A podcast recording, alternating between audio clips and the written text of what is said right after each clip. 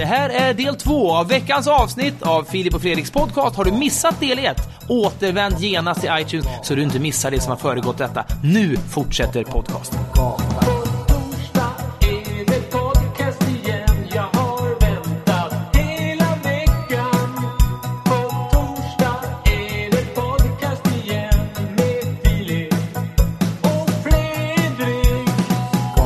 Oscarsnomineringarna kom i veckan. Eh, alltid lite, lite spännande kan jag tycka ändå. Eh, roligt att de... de, de...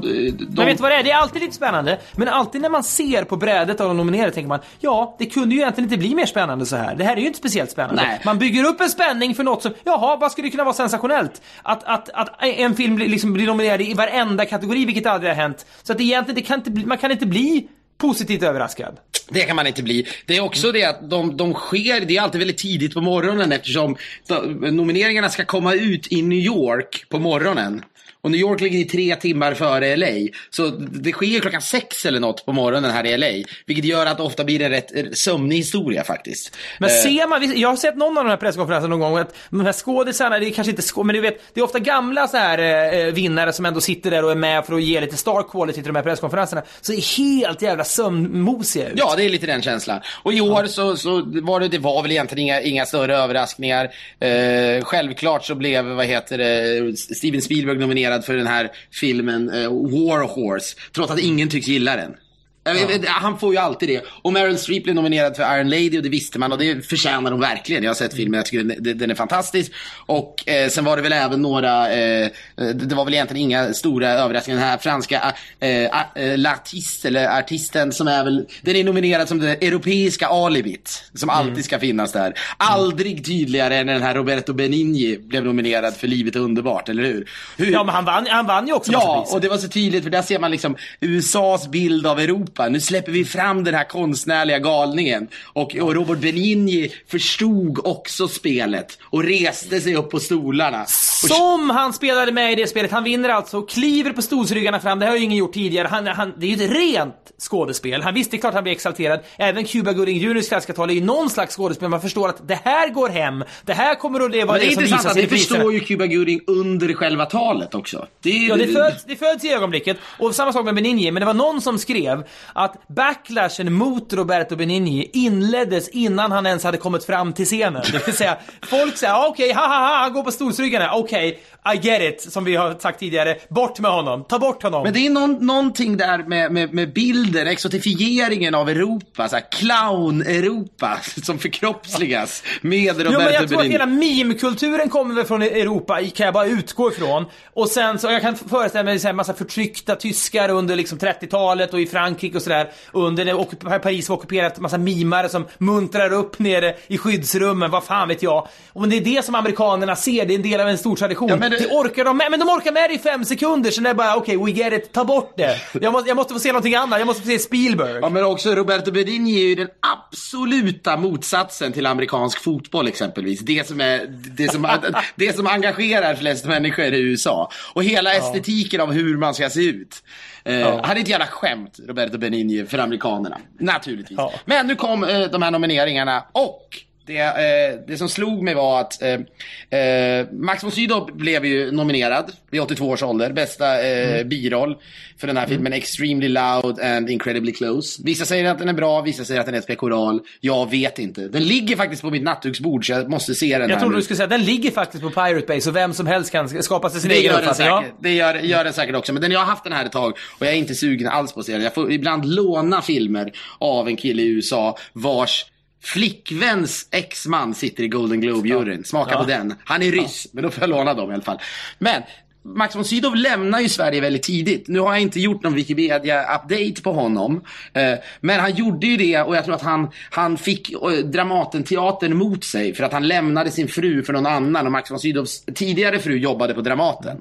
Och så drog han till Paris. Och han har liksom distanserat sig från Sverige mer och mer och mer och mer hela tiden. Just det, just det. Ja, och han har distanserat sig så mycket så att det blir ingen stor grej att Max von Sydow är Oscarsnominerad. Det blir absolut lite grann. Men han är en av få. Vi svenskar har ju en tendens att hitta alla tänkbara kopplingar Mm. till Sverige. Åh, Jake Gyllenhaal är i Sverige. Han är svensk någonstans på något jävla sätt. Men när Max von Sydow blir nominerad för en Oscar, då han, han drog till Paris liksom. Vi behandlar honom inte som svensk längre. Han är... Ja, han, men det, det, jag läste en artikel om Max von Sydow som lever då ett liv med en ganska kraftig, eller vad ska man säga, dominerande kvinna. Jag har ingen aning om nej, men det, han, tunna, vad, vad, vad du sa? Ja, ja, tunna gissar Nej men hon, hon, är, hon är kraftfull, är det jag menar. Jag har ingen aning om hennes fysiska konstitution. Men när hans vänner ringer och söker Max von Sydow, då får de ofta inte prata med honom därför att hon säger nej, det går inte. Jag, jag ser framför mig ett liknande äktenskap som Björn Hellberg sägs leva i. Den är förträfflige person eh, som har varit med i På spåret tidigare, nu är han med i det här slaget om Sverige som går på TV4. Och han, han är ju då Sveriges meste boksignerare, kan vara en liten intressant peak behind the curtains, hur det går till under boksigneringar. Då finns det då en myt om Björn Hellberg att han kommer ju 10 minuter innan butiken öppnar, så sitter han hela dagen och signerar böcker oavsett hur många människor som kommer eller inte. Eh, och de flesta författare är ju där en timme och sen sticker de iväg och under Lundells glada dagar så satt han ju och drack sig kopiöst berusad för han knappt stod ut med tanken på att sitta där och signera. Winnerbäck signerar böcker i, i eh, eller boxar i, under bokmässan, då är det verkligen på lånad tid, sen så sticker han iväg och så vidare. Men Hellberg sitter alltså hela dagar och hans fru finns där för att ifall det blir köbildning, då får varje person bara prata med Björn ett visst antal sekunder, sen är hon där och diskret för bort dem för att Björn så att säga inte pallar säga det själv. Hon är, hon är, han går helt i hennes koppel sägs det då. Och Max von Sydows franska fru är alltså likadan? Ja, har du, har du det är någon någonstans? slags eh, koppling jag gör då eh, mellan dem. Och, och det, på riktigt då har ju Max von Sydow, enligt den här artikeln, som jag tror publicerades i Filter för något år sedan, eh, de är på riktigt oroliga för att han, han, han har helt brutit med hela sitt gamla liv. Han lever då i den här bubblan i, i Paris. Eh, man ser framför sig någon slags paradvåning. Paris är väl paradvåningarnas hemvist på något sätt. Eh, eller? Ja, det tycker jag verkligen att, det, det får man väl lov att säga. Att Det, det får vi igenom. Det får vi. Mycket skit ska de ha, men det kan vi om, man vill, om man vill se den ultimata eh, paradvåningen i, i Mm. Paris så ska man se den här filmen om Yves Saint Laurent som kom ut i år. Eh, en, en, en fantastisk jävla dokumentär som jag tycker ni ska ladda ner. Men det är verkligen paradvåningarna till Rolls Royce som de bodde i. Ja. Men, nåväl. Jag vill, jag vill lägga in brasklappen att jag såg halva dokumentären och Hur tröttnade. fan kan du säga? Jag tyckte den var helt otrolig. Vad var det som... Nej, men vi, vi kan inte diskutera den för, för ingen av lyssnarna har sett den. Det, jag tyckte bara inte den var så kul. Ofattbart. Ja, Ja, men hur som helst. Jag tror kanske är det så att den här bubblan han har levt i att det har spridit sig bland hans vänner, från hans vänner till journalistkretsar och så vidare. Och han är liksom avknoppad på något sätt. Det kan, det kan säkert stämma det du säger, men han, han, han jobbade på Dramaten, för nu är jag faktiskt inne på hans Wikipedia-entry, så sent som 1994. Vilket innebär att han är, det var ju inte så länge sedan. Men Nej. ändå står det på Wikipedia att han är en svensk född skådespelare. Han är inte en svensk skådespelare, utan han är en svensk född. Så där, redan där distanserar man sig. Det där är ju ändå helt sjukt, måste jag säga. Därför att det finns ju människor ändå som har en svenskare aura. Och låt säga då det, det är stjärnskottet Malin Åkerman, som ju är betydligt mer någonting annat än svensk, mer Där kanadensisk. har du ju verkligen ett, ett, ett paradexempel. En tjej som aldrig har bott i Sverige Nej. i princip. Hon har varit i Sverige på semester. Men hon har gjort svensk av, av tabloidjournalister och så har det spridit sig till någon allmän uppfattning. Max von Sydow är ju, nu ska vi inte prata i form av råsvenska eller inte, han har åtminstone bott i Sverige i en, en, en enorm majoritet av sina levnadsår. Men nu är han plötsligt alltså reducerad till, inom citattecken, svenskfödd. Det är lite överraskande. Ja, han är också, ska sägas, fransk medborgare nu. Men jag tror att man alltid är svensk medborgare också. Han har säkert hjälpt till i det här själv. Men det är Kan verkligen... han ha gått in på sin egen Wikipedia och redigerat den? Det är väl otroligt? Det tror jag inte att han, jag tror inte han vet vad Wikipedia är knappt. Alltså han, det är en gammal man nu, om man inte är mer uppkopplad än man tror. Eller så är det hans fru som har eh, ändrat det här.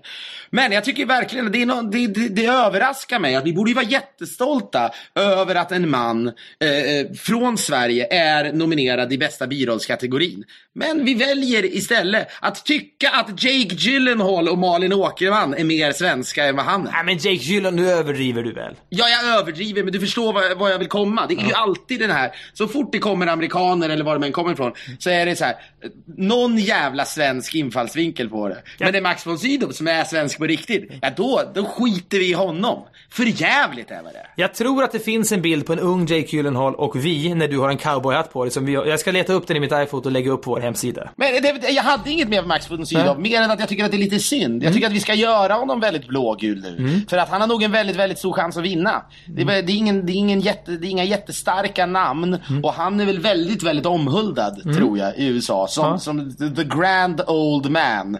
Han ska väl alltid spela professor Men i, han är i också europé i amerikanernas ögon. Men i och med att han har ett mer så här ariskt eh, utseende så är han inte lika sådär larvförknippad som en Benigni-figur. Det finns ju egentligen två sorters europeer. Det ena är clownen som man tröttnar på på sju sekunder. Och så Den finns andra det är den distingerade, beläste på något sätt. Eh, professorstypen. Akademikern. Ja. Ja. precis. Och där i det facket sorteras eh, Max von Sydow in. Mm. Men det är, det är bra för, för, för er som, som, som ser filmen. Det är inte alla som tänker på att Max von Sydow är, han är supersvensk. Han är född i Lund 1929.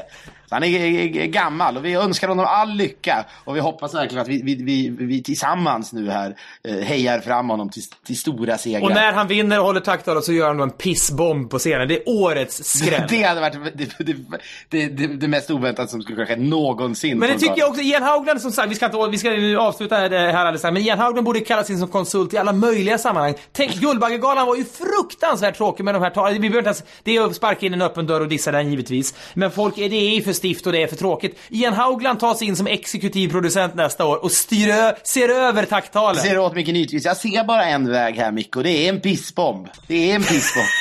det säger han till alla. Men det är också att Ian Haugland, myten om honom var att, han har ju sagt det själv, han fick in 19 flaskkapsyler under den här jävla mytomspunna förhuden som måste ju varit någon slags spinnaker-size Man kan säga att hans kuk är ju eh, hans humorverktyg numero uno. Verktyg, verktyg. Ja, det vi, är, vi är härligt. Vi är tillbaka eh, i, i, i, i gnällbältet där. Men så här, alla vinnare som vinner på Guldbaggegalan nästa år, på vägen fram till scenen passerar de ett, en liten, liten hytt, ett litet tält som de måste gå igenom. Där inne sitter Ian Haugland och ger dem lite råd. Så här, när Roy Andersson kommer in så sa så han så här, det jag nu ska ge dig är en liten påse fylld med kapsyler Roy. när du vinner så drar du ner brallorna. Ja, man har ju redan fram- vunnit. Nu, alltså så här, vinnaren är Roy Andersson. Han reser sig Ja, upp, okej. går Han, fram han går till fram tältet. scenen, han ska hålla sitt tal. Han- han- På vägen mot talet Ja. så får han ta snabbt in i det här lilla båset. Ja. Det här är nu eh, 19 kapsyler Roy. Och när du kommer upp på scenen så tar du fram din åldrade penis och drar isär förhuden så mycket du kan och börjar stoppa. eh, Nej, det är så här, snarare du, drar här, du släpper ner kapsylerna så att det, det blir som att släppa ner liksom pengar i en brunn. Först är det bara tyst medan kapsylen seglar ner och sen snappar mikrofonen upp det lilla skramliga När, när, ljudet. när, man, när, när han gör det här får man här inklippsbild på en orolig eh, Ian Haugland i det här båset. Där han inte riktigt vet om, om, om Hur ska det gå? Hur ska det gå för Roy? Han får inte ge upp efter tre, det kan göra lite ont. Men sen är det bara att köra. Absolut! Det där bjuder vi på! Det där är vad vi har sett fram emot. Eh, och eh, Guldbaggegalan nästa år, om vi får bestämma, så, så rycks alltså Jenny Haugland in som en slags feelgood-faktor i ett litet tält på vägen fram. Ett litet tvåmannatält som man liksom måste krypa in i genom ena ingången ut genom andra. Sen går man upp och, och ut och håller ett grandiost Det roliga man inser under galan att han har inte så jävla många eh, pranks på fickan. Utan det är liksom pissbomb och kapsyler. någon, någon människa rycker han fort som fan ut alla tänder på. Så går han själv med ut på scenen och kastar in dem bara.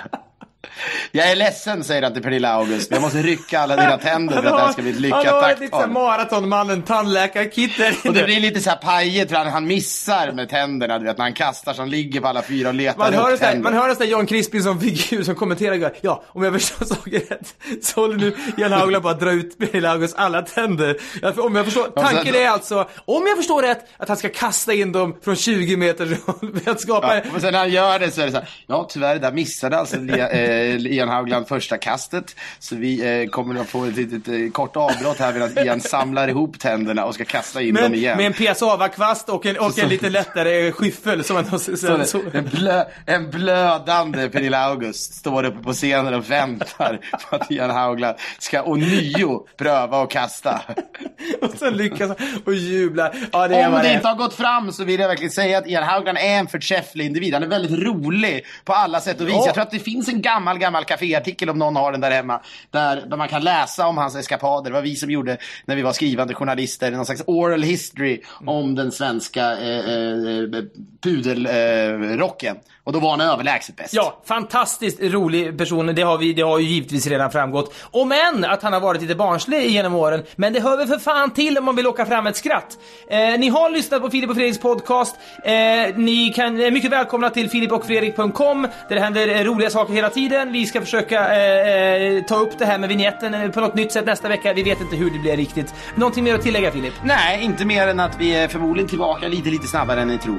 Som alltid. Det kanske blir en extra insatt podcast på tisdag. Vi återkommer kring detta. Ha det nu riktigt jävla... Grejer är på väg att hända, det är det. Ja, du får inte det överdriva det här nu. Men det, är- det, vi har jätteroliga saker på gång. Puss och kram, hej då! Hej då!